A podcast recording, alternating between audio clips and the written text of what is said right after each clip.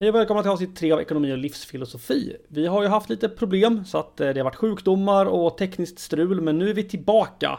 Både jag och Rickard. Hur mår du Rickard? Ja, jo, eh, bra. Är du frisk nu eller är du fortfarande monsterförkyld men du har kravlat dig ur sjukdomen och spelar in ändå? Nej, men jag känner mig ganska frisk nu så att, eh, det är bra. Ja, det var någon monsterförkylning. Du var ju borta i över en vecka där med, med någon monsterförkylning och allt möjligt guck. Så att eh, det är skönt att vi är tillbaka igen. Man kanske trodde att vi hade slutat, men icke. Mm. Ja, det här är ju andra gången vi spelar in så att... Eh...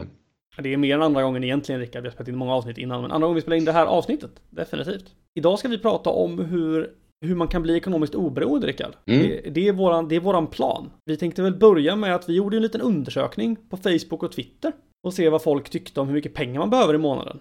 Och vi hade, du och jag hade en eh, lång diskussion eh, utanför podcasten om vilka siffror vi skulle ha med där.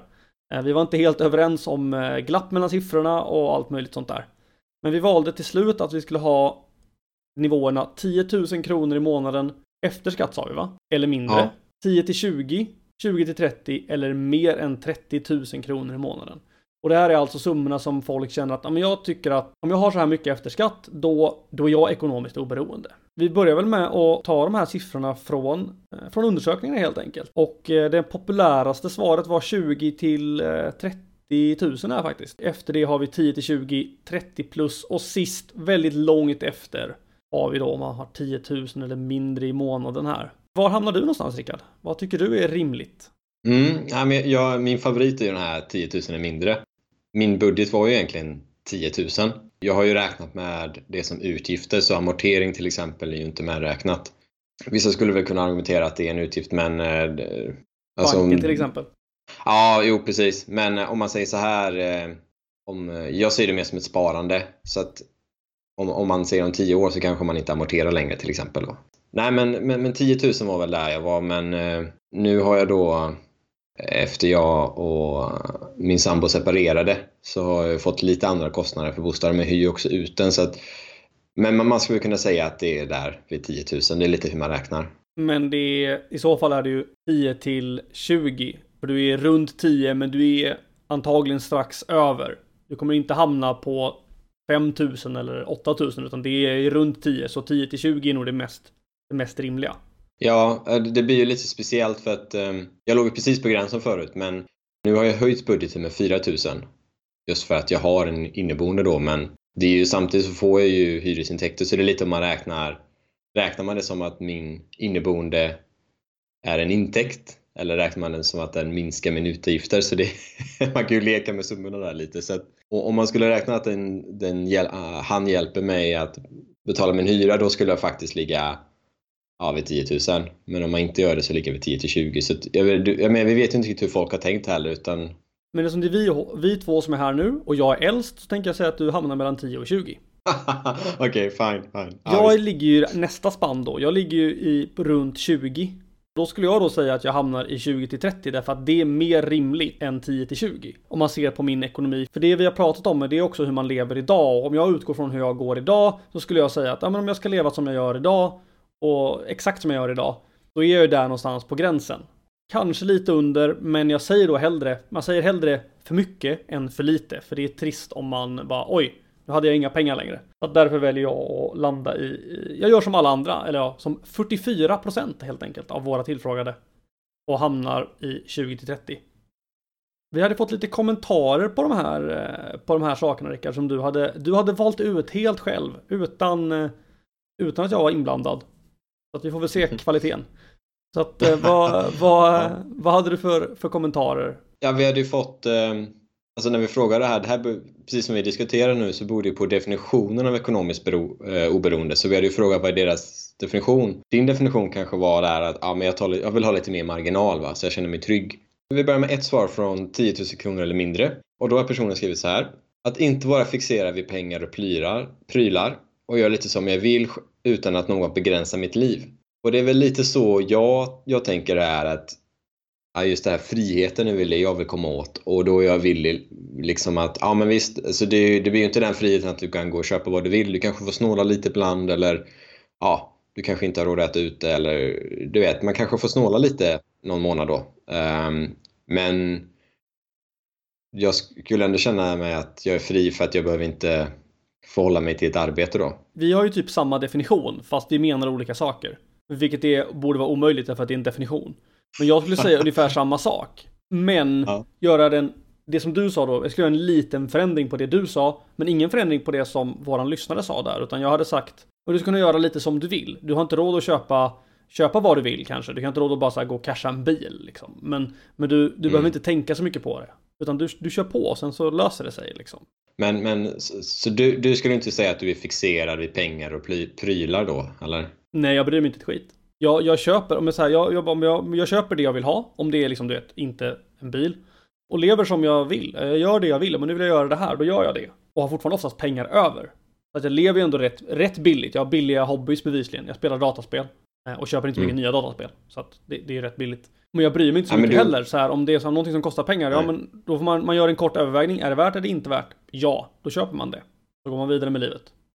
Ja, nej men det är inte så att du har liksom, du har inte någon speciell hobby eller alltså det är inte så att du samlar på prylar eller liksom går runt och bara köper grejer. Så det är som man får känslan här kanske då. Så att, um, mm, Nej, precis. Alltså, men om man kollar på, säg, jag var hos min barberare i veckan. Det är snordyrt. Det kostar 900 spänn. och herrejävlar. Precis. Jag gör det. Nu var jag där ganska exakt två månader sedan, visade det sig. Och jag brukar göra det var tredje månad, men nu, nu har jag bestämt mig för att jag ska hålla håret ganska kort. Vill du hålla, hålla håret kort måste du klippa det oftare. Det är så det fungerar. Mm. Och det kostar 900 spänn. Det är inte billigt. Det är rätt dyrt. Du kan ju klippa dig mycket billigare och du kan säkert fixa till skägget billigare eller alternativt bara få, få en hjälp med, för du behöver någon, någon som hjälper dig och kommer åt på vissa, alltså klippa skägget. Det är rätt svårt att göra det själv. Men du kan ju få en kompis att göra det genom en hundring. Lös det liksom. Det kommer inte bli lika snyggt, men det kommer bli så här okej antagligen. Och då skulle du kanske kunna spendera 200 spänn.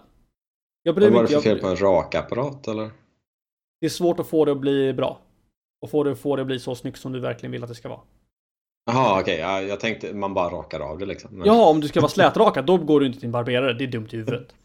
nej. Om du inte vill att men- han ska men göra alltså- någonting speciellt med en kniv eller något sånt, du, du ska gifta dig. Fair enough.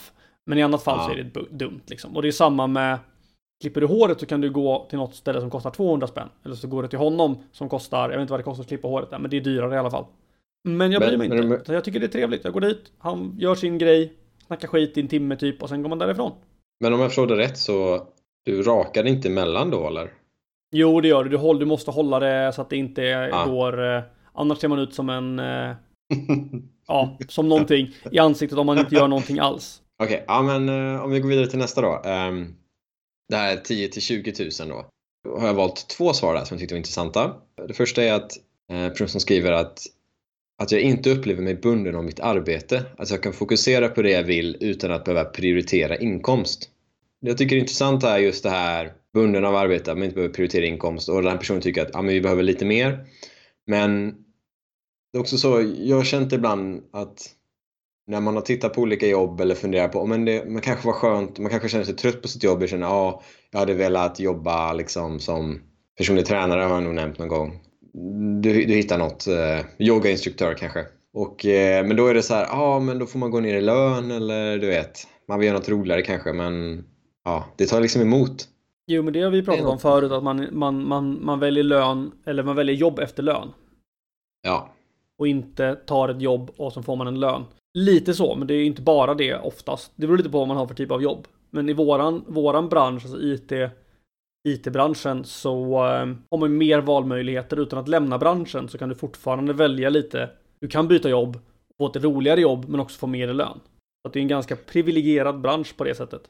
Jo, jo, men, men alltså även om, om vi kommer på så här att ja, men jag, jag har tröttnat på att jobba, liksom programmera eller någonting eller du vill göra någonting annat. Du vill typ jobba som lärare kanske eller någonting. För du, det är liksom, du vill, så du vill fokusera på det. Just vad den här personen skrev, liksom, att man vill fokusera på det man vill utan att tänka på inkomst. Så, att om man bara tänker så här, ja men det här vill jag göra. Ja men då, då blir det jobbigt för då får du mindre pengar. Liksom. Du kanske vill ja, jobba med eh, volontärarbete typ, men ingen inkomst. Så ja, Nej, nej, men det är fair enough. Vad, vad säger nästa person på 10 till 20, Rickard? Inte förmögen eller snuskigt rik. Bara så man klarar sig och har ett drägligt liv. jag gillar det här drägligt liv.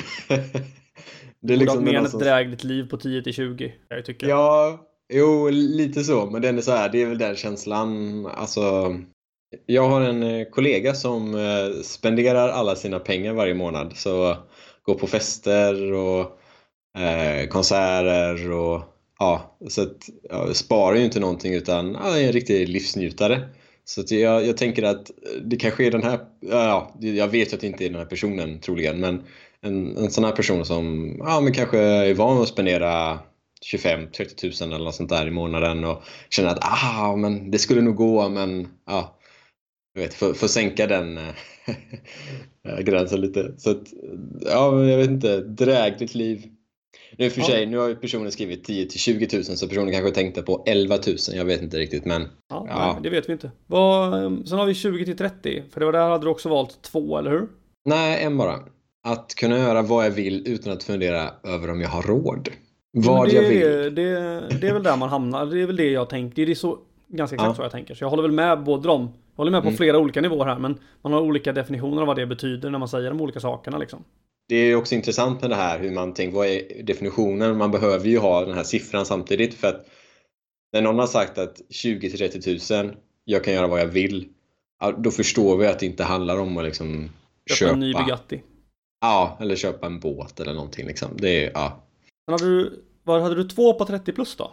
Ja, precis. Så då är den personen skrivit att slippa jobba och ändå ha pengar nog att kunna använda bankkortet utan att behöva oroa sig för att det inte finns pengar på kortet. Det här är nog min favorit av alla svar faktiskt. Alltså jag ser, jag ser det här framför mig att alla lite så här minimalism eller att man tar bort någonting i jobbet i livet. Att man liksom förenklar livet. Att du har typ ett kort och du kan bara liksom, du bara använder det liksom. Du behöver aldrig tänka liksom, på att föra över din lön till olika konton. Eller, du vet så här, liksom. Det är bara pip, pip, pip, jag går och köper grejer. Ja, alltså jag får ju flytta ju pengarna från mitt lönekonto och sprider ut dem på två kort och sen så flyttar jag bort dem. För jag vill inte ha så mycket pengar på kortet ifall man blir av med det eller något sånt där. Men, mm. eh, men det är ju så, man, vill, man drar kortet och sen så finns det pengar på det. Om man har planerat. Har man inte planerat då får man föra över pengar. Men det finns internetbank så man kan göra det var som helst, när som helst. Ja, precis. Och det jag gillar med det här, man säger det här är ju på något sätt att man, man slipper till och med det då. Ja. Det känns väldigt befriande på något sätt. Ja, jo. Du ska inte höja din nivå Rickard till 30 plus istället? ja, nej, nej men, nej, men ja, alltså man måste säga så här. Vi, vi kan ta en till förresten så, så ska jag säga vad jag tänkte på. Vi har en sista kvar. 30 000 kronor eller mer. Att du står utanför hela den ekonomiska sfären. Du kan köpa allt, alltid. Då är ja. det nog ganska många nollor mer än 30 000 kronor. Ja, så den här personen kan ju tyvärr då inte bli ekonomiskt oberoende. Och det var lite det jag tänkte säga nyss att varför har jag valt den här siffran? Alltså jag har ju ingenting emot att ha 30 000. Ja, jag skulle gärna ta emot 100 000 kronor i månaden liksom, visst. Men det här har ju att göra med när du kan bli det också. Så att desto mindre du kan leva på desto snabbare kan du komma dit. Jo, men det finns, ju, det finns ju, så är det ju. Alltså kan du leva på lite och tycka att du är bekväm med att leva på lite så kommer du dit fortare. Förväntar mm. att du måste ha 100 miljoner på banken och kunna göra vad du vill, ja det kommer ta en stund. Och du kommer behöva vinna på Lotto. Eller kommer med en väldigt bra affärsidé. Mm. Det är rätt klurigt. Vi hade fått en, en fråga på, på internet, på Facebook var det någon som hade, hade frågat någonting också. Eh, ja, du ville ta upp den frågan. Mm, nej, men jag tycker den är intressant. Så Kristoffer då skriver på Facebook, alltså inte du utan en, en annan Kristoffer. Filosofisk tanke. Den som ska leva på passiv inkomst måste innebära att någon annan får slita för pengarna kommer in. Är passiv inkomst moraliskt rätt ur den tanken?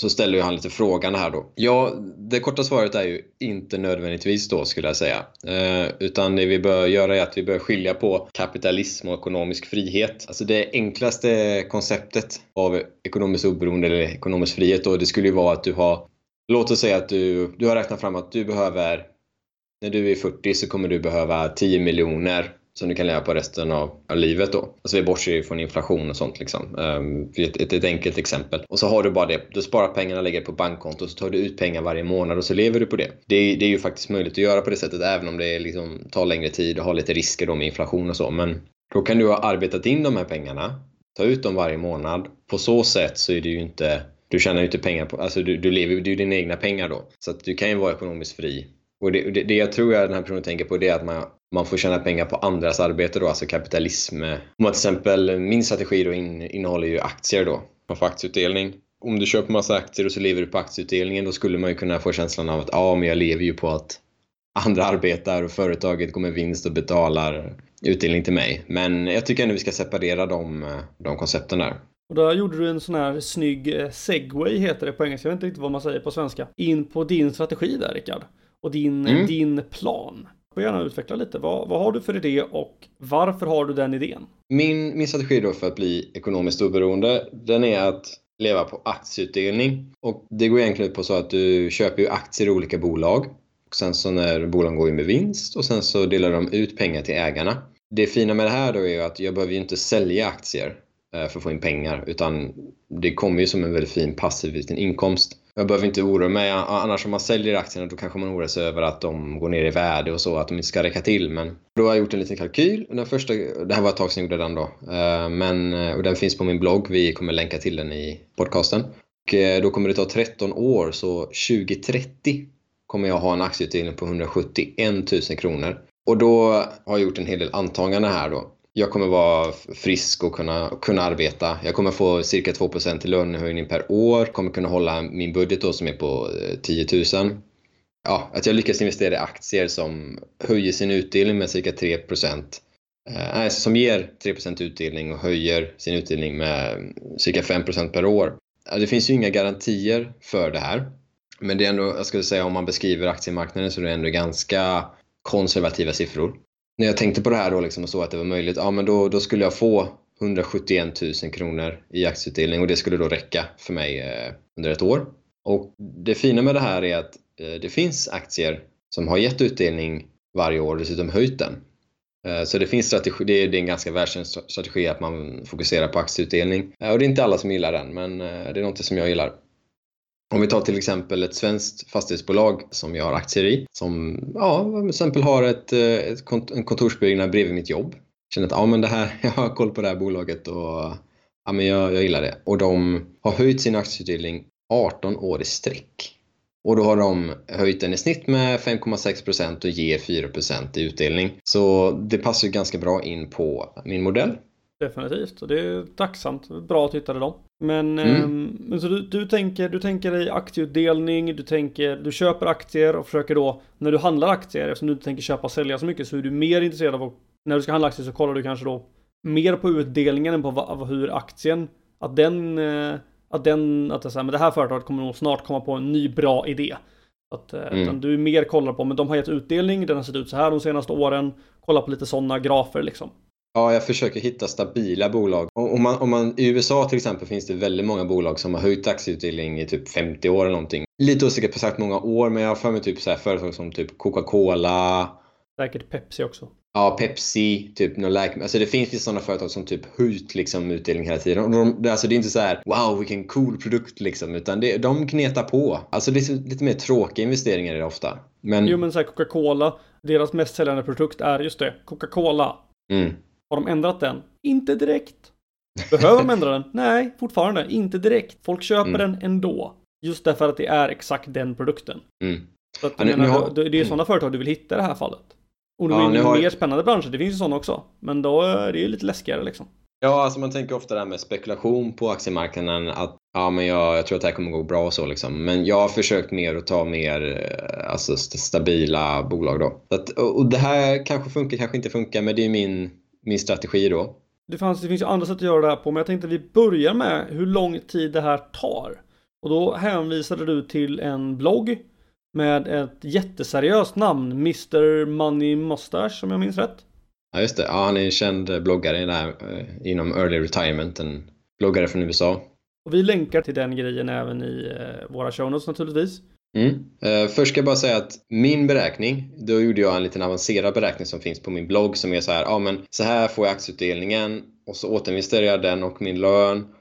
Och så köper jag nya aktier och så har jag räknat med de här siffrorna jag sa. Och sen har jag sett när är aktieutdelningen tillräckligt stor. Så min modell, när jag har räknat ut den, skiljer sig från den här Mr Money Mustache då. Den, är, den här, så jag rekommenderar att man tittar på den här för att få en, en, en uppfattning om när kommer vi ekonomiskt oberoende? Och den här har egentligen att göra med att man kan sälja, du kan ha fonder till exempel, men att du säljer av dem då så att det är en liten ja, enklare strategi att räkna med. Då, kan man, då är det en fin tabell här, så kan man se, ja men vad är min sparkvot? Det vill säga hur mycket sparar du av din lön? Om, om man vet det, då vet man hur lång tid det tar innan man blir ekonomiskt oberoende för att du vet två saker. Det ena är hur mycket pengar du behöver leva på varje månad och det andra är hur mycket du sparar då. Så sparar du till exempel 75 och lever på 25%, ja, efter sju år så kommer du ha en tillräckligt stor ja, summa pengar då, eh, som du kan eh, sälja av 4% och leva på. För att kunna leva på den 25% nivån då som du levde på när du sparade in pengarna. Men det finns såklart vissa alltså antaganden i det här då som det står med på bloggen men det är eh, ungefär samma antag som jag gjorde att man får 5% avkastning och att man kan leva då på ungefär 4% av värdet då. Du kan anpassa, anpassa det lite, sänka dina utgifter lite eller skaffa lite extra jobb liksom, om det skulle bli någon börskrasch eller någonting så här så att man den garanterar ju inte för allting liksom. Nej men det är väl det som är grejen. Vi, när vi pratar ekonomiskt oberoende eller ekonomisk frihet, då är det ju mer det här kan du leva på. Det är inte du är Bill Gates. Nej. Utan de en... pengarna han har kan han, kan han leva på. Och ganska många andra också. Men, mm. men det är mer så här, vad kan du göra som är mer rimligt? Alltså sannolikheten att du kommer du på en sån bra idé och du går mot Bill Gates hållet, verkligen satsa. Ja, det är inte det jag säger, men, men det är ganska osannolikt. Däremot så kan du definitivt börja spara lite varje månad. Visst, du kanske kan spara varje månad i hela livet. Du kan ha perioder där du har ont om pengar. Du kanske är student eller sådär. Det är lugnt. Men om du kan spara lite grann, där lite här och där, eller om du sommarjobbar så kanske du kan spara i början då när du är lite yngre. Och sen så kanske du kan börja spara. Och försök då, jag menar, liten grej gör skillnad. Och om du inte vet hur mycket du sparar, nej men kolla efter ett år. Försök lägga undan lite pengar, när du lägger undan pengar varje månad, för det är så jag har räknat i år.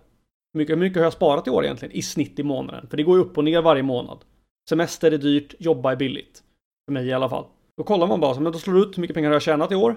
Netto. Och hur mycket pengar ligger det på sparkontot i år?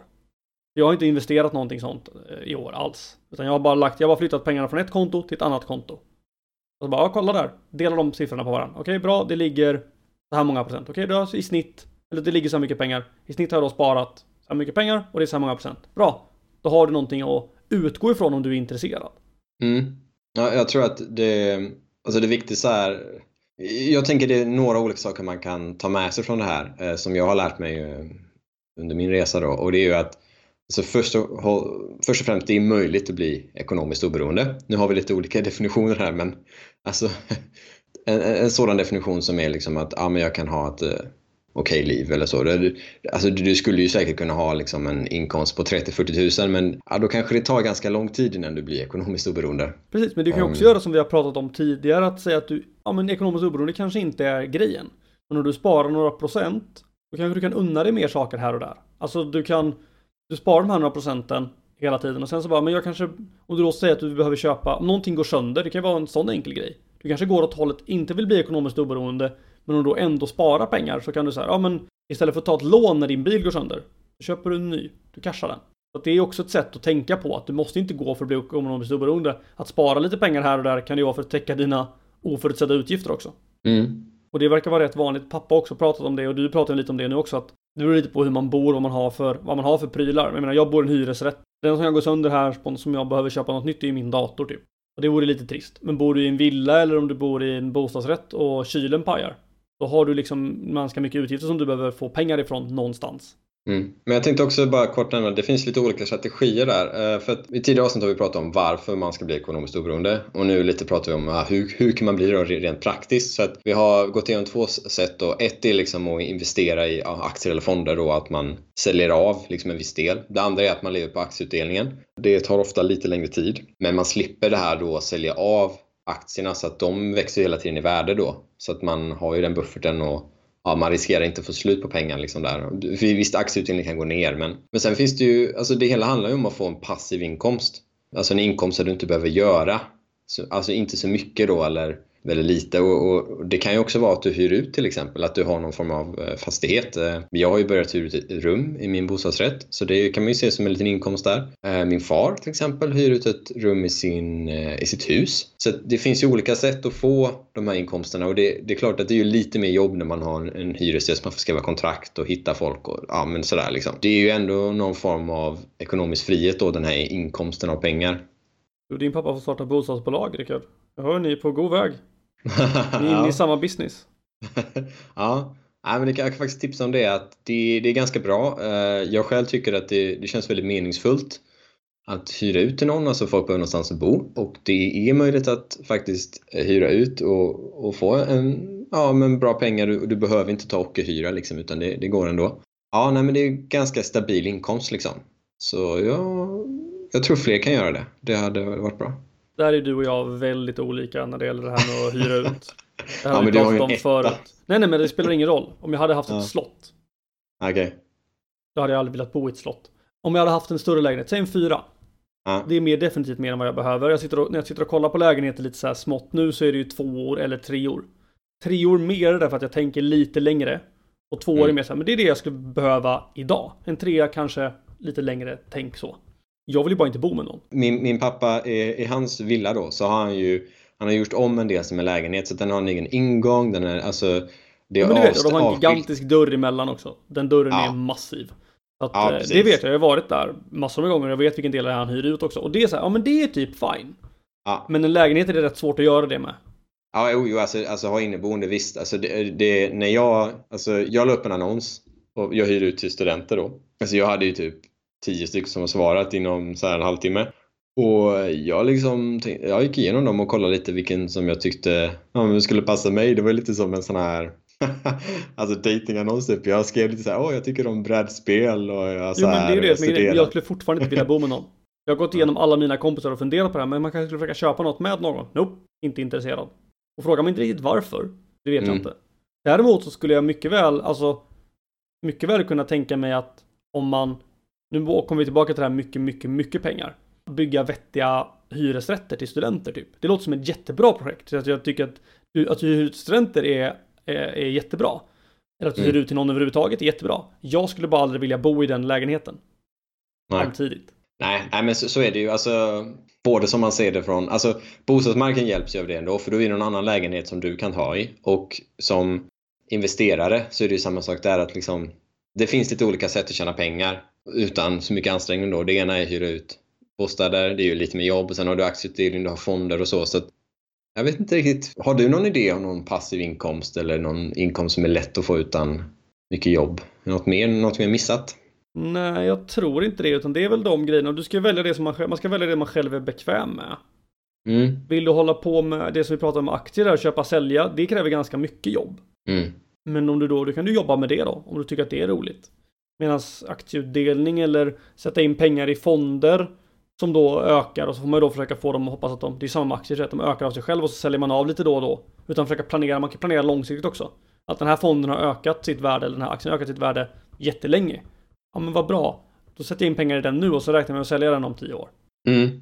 Eller 20 Ja, eh, år eller vad som helst. Ja, alltså jag tror att det svåra här är ju liksom att dels bör man komma underfund med ja, men hur mycket är bekväm att ha, liksom hur mycket pengar är det jag är bekväm att leva på? För att det är ju ändå så att det kommer antagligen vara mindre än vad du har i lön. Så att man behöver hitta den gränsen och sen vill man ju gärna ha lite marginal också, liksom om någonting händer. Det ser ju liksom som att det är två vågskålar där man behöver se, ja, å ena sidan desto mer pengar jag vill ha i en passiv inkomst, Ja, men desto längre tid tar det ju innan jag kommer dit som man ser i den här tabellen vi visade. Så om man till exempel kommer fram till att ja, men jag vill ha jag, jag vill kunna, jag vill bara spara 50% av det jag... Alltså, det, det du kan göra är, du kan ju leva billigt i några år också för sen leva lite dyrare och då kan man ju, visst, då funkar ju inte de här tabellerna liksom. Men eh, jag vet att det är vissa som har gjort så att de har levt liksom, de har sparat 80% av sin lön men sen vill de ändå leva på mer när de blivit ekonomiskt oberoende. Så att det finns ju lite olika modeller där men men det måste ju vara ett ganska bra, det är också ett ganska tacksamt sätt att göra det på. Även om du kanske inte blir ekonomiskt oberoende om du sparar de 80 procenten. Men du får ju Mm. liksom en, du får en, du startar lite fortare. Du får Ja. inte den här jämna kurvan som är så här, men du kommer gå, det, blir liksom inte en, en linjär kurva på samma sätt, utan den, den sticker liksom iväg. absolut. För, för då är det så här, om vi säger 80% då är det fem och ett halvt år. Så att jag menar, det går ju verkligen upp där och men men sen så tror jag det är också det att en grej som jag tänker med det här det är att vi pratar om att bli ekonomiskt oberoende, tidig pension eller early retirement som heter på engelska. Men alltså det är ingen som säger att du måste sluta, alltså säga upp dig. Vissa kanske gör det men man måste ju inte det. Så att jag är ju mer ute för den här känslan liksom att ah, okej, jag hade kunnat göra det om jag vill liksom. Så att, att man har den friheten. Om man tänker på det sättet då är ju frågan lite också vad gränsen är. Så att man kan ju ha jag kan ju tänka mig, man skulle ju kunna sätta upp lite olika nivåer. Ja, men så här, här är liksom minimum jag skulle kunna tänka mig. Och här är mer där jag vill vara. Så man kan ju ha lite olika planer. Så får man ju se liksom hur, ja, hur livet blir. Jag menar, det här är min strategi för att bli ekonomiskt oberoende nu. Men den, ja, som man ser så kommer det ju ta typ 7 till 13 år eller lite olika strategier då. Man får ju se liksom, ja, om 10 år, vad gäller då? det är ju naivt att tro att man kommer se likadant på livet om 10 år. Jo, verkligen. Och sen som sagt, du får, man ska göra det som man vill. En grej du kan göra i våran bransch, det går inte lockt från alla, det är ju att du, du blir ekonomiskt oberoende. Men sen som du vill unna dig någonting mer, eller vill ha en liten buffert, då gör du ett projekt. Alltså du jobbar ett projekt. Och så tar du den lönen och den behöver du ju inte, men den lönen går ju då direkt till vad du nu vill göra för något speciellt. Jag lovar, jag, jag sa att jag hade en plan och det, det, var innan vi började spela in. Och det var ju lite, lite små lögn egentligen. Min plan är ju att inte göra någonting alls i år. För jag vill inte hålla på att försöka lära mig innan deklarationen nästa år. Så att eh, från och med första januari, då, då blir det åka av Rickard. Då ska du få utbilda mig i hur man gör sånt här. Och vilka sidor man ska använda och hur man gör. Och sen så ska vi, ska vi, ska vi klura. Men Sweet. det blir först nästa år. Jag håller på också på att stänga mitt bolag just nu. Så det, och det blir nog gjort först nästa år också. Så att mm. då finns det lite mer buffer att göra på. Men eh, någon gång nästa år, då eh, i början där, då så ska vi sätta oss ner någon dag, kanske till och med tillsammans någonstans. Och sen så ska vi ska vi gå igenom det här och fundera på hur man kan göra. Mm. På nyårsafton alltså, då kan vi kolla på den här konserten från Wien. Jag jobbar på nyårsafton så sure. Okej, okay, ja. Jag kommer inte ha någonting att göra på jobbet förhoppningsvis. Jag har svårt att tro att någon får problem med sin båt på nyårsafton. Kom ner till Göteborg eller Varberg så, så löser vi det. Jag känner att det är allt vi har att bjuda på den här gången. Har du något att tillägga Rickard? Nej. Eh, vi uppmuntrar alla att eh, tänk lite på vad, vad, du vill ha, vad du vill få ut av det. Är det ekonomiskt oberoende du vill bli? Vill du kanske bara spara för eh, för oförutsedda utgifter, då kan du definitivt göra det. Och då kan du också att de pengarna kommer växa, så att till slut så kanske du har råd att resa någonstans och ändå täcka det trasiga kylskåpet. Men i vilket fall, du kan följa oss på, du kan ladda ner den här podcasten på Soundcloud och iTunes och alla andra möjliga konstiga ställen där man kan hitta podcasts.